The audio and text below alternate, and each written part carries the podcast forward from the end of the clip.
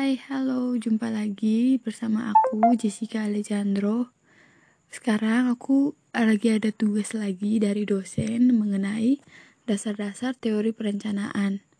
Sebelumnya aku memperkenalkan diri dulu. Perkenalkan, aku Jessica Alejandro dari Prodi Ekonomi Pembangunan Fakultas Ekonomi dan Bisnis Universitas Jana Batra Yogyakarta angkatan 2019. Yang pertama ada teori perencanaan, teori of planning, ide atau gagasan yang menjelaskan tentang upaya untuk mencapai suatu satu atau beberapa tujuan yang telah ditetapkan. Teori of planning ini menekankan bahwa prosedur adalah perencanaan.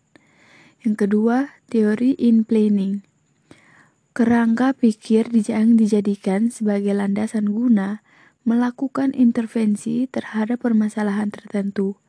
Teori ini, teori in planning menekankan pada konsep substansi perencanaan.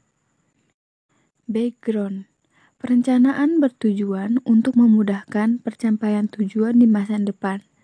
Dalam tanda kutip, di sini ada hari ini harus lebih baik dari hari yang kemarin, dan hari esok harus lebih baik dari hari ini.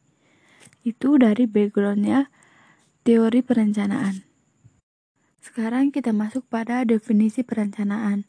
Ada beberapa ahli yang mengemukakan definisinya menurut versinya masing-masing. Yang pertama di sini ada John Friedman. Perencanaan selalu mengandung uns empat unsur. Yang pertama, perencanaan adalah su sebuah cara untuk memikirkan persoalan-persoalan sosial ekonomi. Yang kedua, perencanaan selalu ber, berorientasi ke masa depan.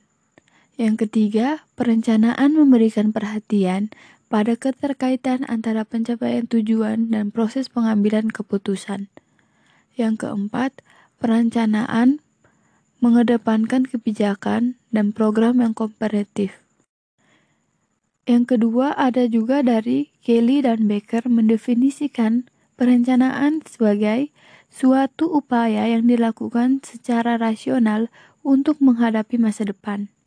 Ada juga dari Kolema Wordbury, Koger Inhill, Invertoword.com. Adapun perencanaan pembangunan. Perencanaan plus pembangunan sama dengan perencanaan pembangunan.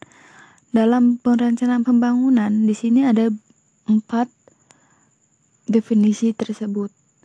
Yang pertama, setiap konsepsi pembangunan adalah pemikiran yang harus dapat diwujudkan, bukan sekedar latihan akademis. Yang kedua, perwujudan konsepsi pembangunan haruslah benar-benar dapat menjamin meningkatkan kesejahteraan rakyat yang sebesar-besarnya.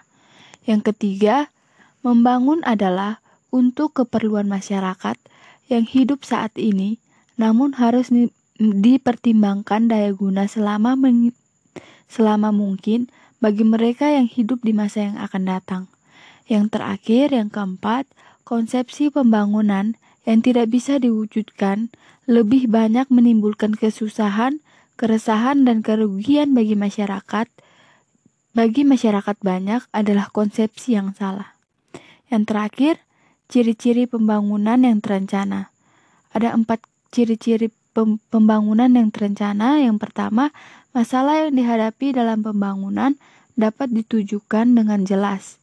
Dua, tujuan yang di, tujuan dan sasaran yang dicapai dalam pembangunan dapat dinyatakan dengan jelas. Yang ketiga, tahapan untuk mencapai tujuan dapat diutarakan dengan jelas. Yang keempat, prosedur kerjasamanya jelas. Yang kelima, arah pembangunannya jelas. Sekian pemaparan dari saya. Terima kasih telah telah mendengarkannya hingga selesai.